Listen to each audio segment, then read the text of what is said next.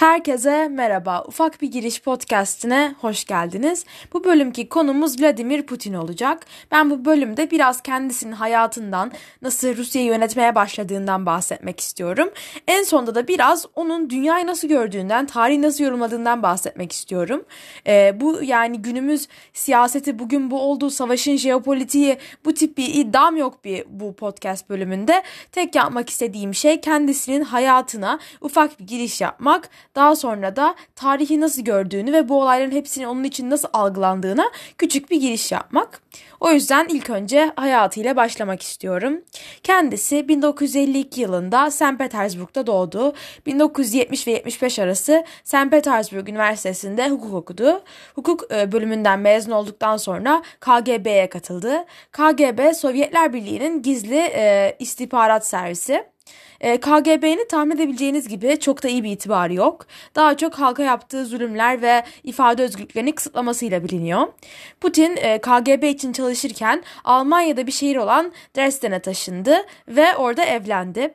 Putin hala özel hayatını çok gizli yaşamayı tercih eden biri. E, Almanya'da tanıştığı eşiyle 2013 yılında boşandı ama iki tane kız çocuğu oldu. Şu anda iki tane kız çocuğunun da ne yaptığını bilmiyoruz. Üniversiteye başlarken çakma isimlerle başvuru yaptıkları söyleniyor hatta. Ee, Putin 1989'a kadar Doğu Almanya'da Dresden'de KGB ajan olarak çalıştı. Tabii 1989 yılında Berlin Duvarı yıkılınca Putin ve ailesi de Rusya'ya geri döndü. O zamanın başkanı olan Boris Yeltsin'in yönetiminde çalışmaya başladı Putin. Yeltsin'in döneminde Putin hızlı bir şekilde yükseldi ve Yeltsin'in güvenlik ve dış politika konusunda yönlendiren bir isim oldu. Ondan sonra da Yeltsin Putin'i başbakan yaptı. Ondan birkaç ay sonra Boris Yeltsin işini bıraktı ve bu sefer Putin 1999 yılında Rusya'nın cumhurbaşkanı oldu. Bu arada zaten Boris Yeltsin de Rusların çok sevdiği bir lider değildi. Çünkü halk onun Amerika ile bir anda çok iyi ilişkileri iyileştirdiğini düşünüyordu ve alkol bağımlılığı dolayısıyla bazen çok mantıklı ve tutarlı kararlar alamıyordu. Ondan bir sonraki seçimlerde yine Putin oyların çoğunluğunu almayı başardı. Ama şöyle bir durum vardı. Rusya'nın anayasasına göre bir cumhurbaşkanının ard arda 3 dönem görev yapması yasaktı. Ama tabii ki Putin durumu buna bir çözüm buldu. Bir sonraki seçimlerde en çok oyu alan Cumhurbaşkanı adayı Dimitri Medvedev olmuştu ve tabii ki de e, bu planlı bir şeydi yani Medvedev e, Putin'in arkadaşı müttefikiydi. Bu yüzden Medvedev Cumhurbaşkanı olarak seçildiğinde yanına başbakan olarak Putin'i seçti. E, bu süreçte e, yani resmi olarak isimlere bakarsak Putin Cumhurbaşkanı yerine başbakandı ama güçlerine bakarsak onun açısından pek de bir şey değişmemişti. Putin'in hep amacı Rusya'nın uluslararası camiada güçlü ve korkulması gereken bir ülke olarak görülmesiydi. Bundan da emin olmak için medyanın onu her zaman güçlü ve iyi bir lider olarak gösterdiğinden emin olmak istiyordu. Bir de 2020'de e, Rusya parlamentosu Duma yeni bir yasa geçirdi ve bu yasaya göre Vladimir Putin 2036 yılına kadar Cumhurbaşkanı kalabilir. Yani bu da Putin 83 yaşına gelene kadar Rusya'yı yönetebilir demek. Şimdi de biraz Putin'in dünya görüşünden ve psikolojisinden bahsetmek istiyorum. 1991 yılından önce şu anda bir sürü bağımsız ülke olan ülke e, Sovyetler Birliği çatısında bir aradaydı.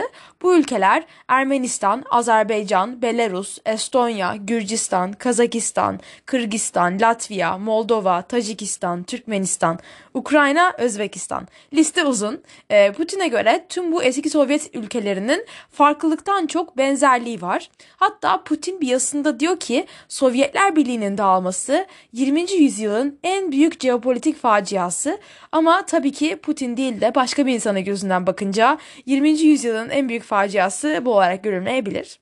Neyse e, Putin tüm bu eski Sovyet ülkelerini kafasında tek bir topluluk olarak görüyor ve ona göre Batı ülkeleri hani istiyor ki artık Sovyetler Birliği dağıldı. Sovyetler Birliği'ni eski haline getirip komünizm getirmek gibi bir derdi yok Putin'in. Ee, onun kafası öyle çalışmıyor. Ama Putin'e göre e, Sovyetler Birliği çatısında bir arada olmasa da bu Slav ülkelerinin, eski Sovyet ülkelerinin yine de e, birlikte olması, ideolojik olarak aynı çatı altında olmaları gerekiyor. Ve şu anda bunun yavaş yavaş değişiyor olması, yavaş yavaş bu ülkelerin Avrupa Birliği ile, NATO ile ile ilişkilerinin kuvvetleniyor olması e, tamamen Batı devletlerinin o ülkeleri kandırması ve Rusya ile ilişkilerini bozması üzerine. Ve Putin de tabii ki bu ülkelerin Batı'nın değerlerini benimsemesini istemiyor. Yani Putin'in bakış açısında Rusya o kocaman Slav imparatorluk ve Batı'nın propagandası yüzünden dağılmamalı ve o ne yapması gerekiyorsa e, onu yapmalı bu e, birliği bir arada tutmak için.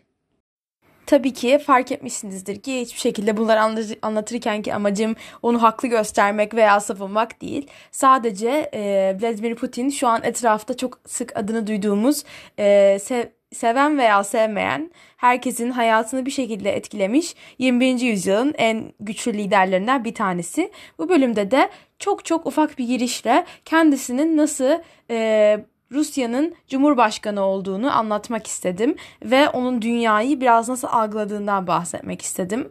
Tabii ki bu podcast'i dinlemek, bu konuda bir şey bilmek için yapabileceğiniz ilk çok küçük adım.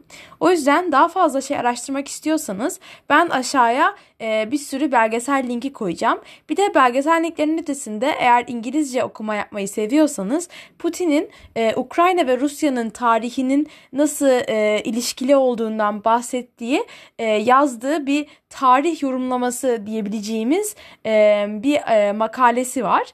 O da çok ilginç. Tabii bu bu makalede Putin'in bahsettiği bazı bilgilerin doğruluğu tartışmaya çok açık. O da e, medyada çok tartışılan bir konu oldu Putin'in bu yazdığı makalenin içindeki bilgilerin doğruluğu. Ama yine de ben aşağıya onu da koyacağım. Hem o yazıyı okuyup hem de o yazıya yapılan eleştiri ve düzeltmelere bakarsanız daha da e, tamamlanmış bir e, fotoğraf görmüş olursunuz bu konuda. E, bu bölümlük bu kadar. Böyle kısa bir giriş yapmak istedim. Umarım bu bölümden keyif almışsınızdır. E, daha fazlası için beni Instagram hesabım ufak bir girişten takip etmeyi unutmayın. Bir sonraki bölümde görüşmek üzere.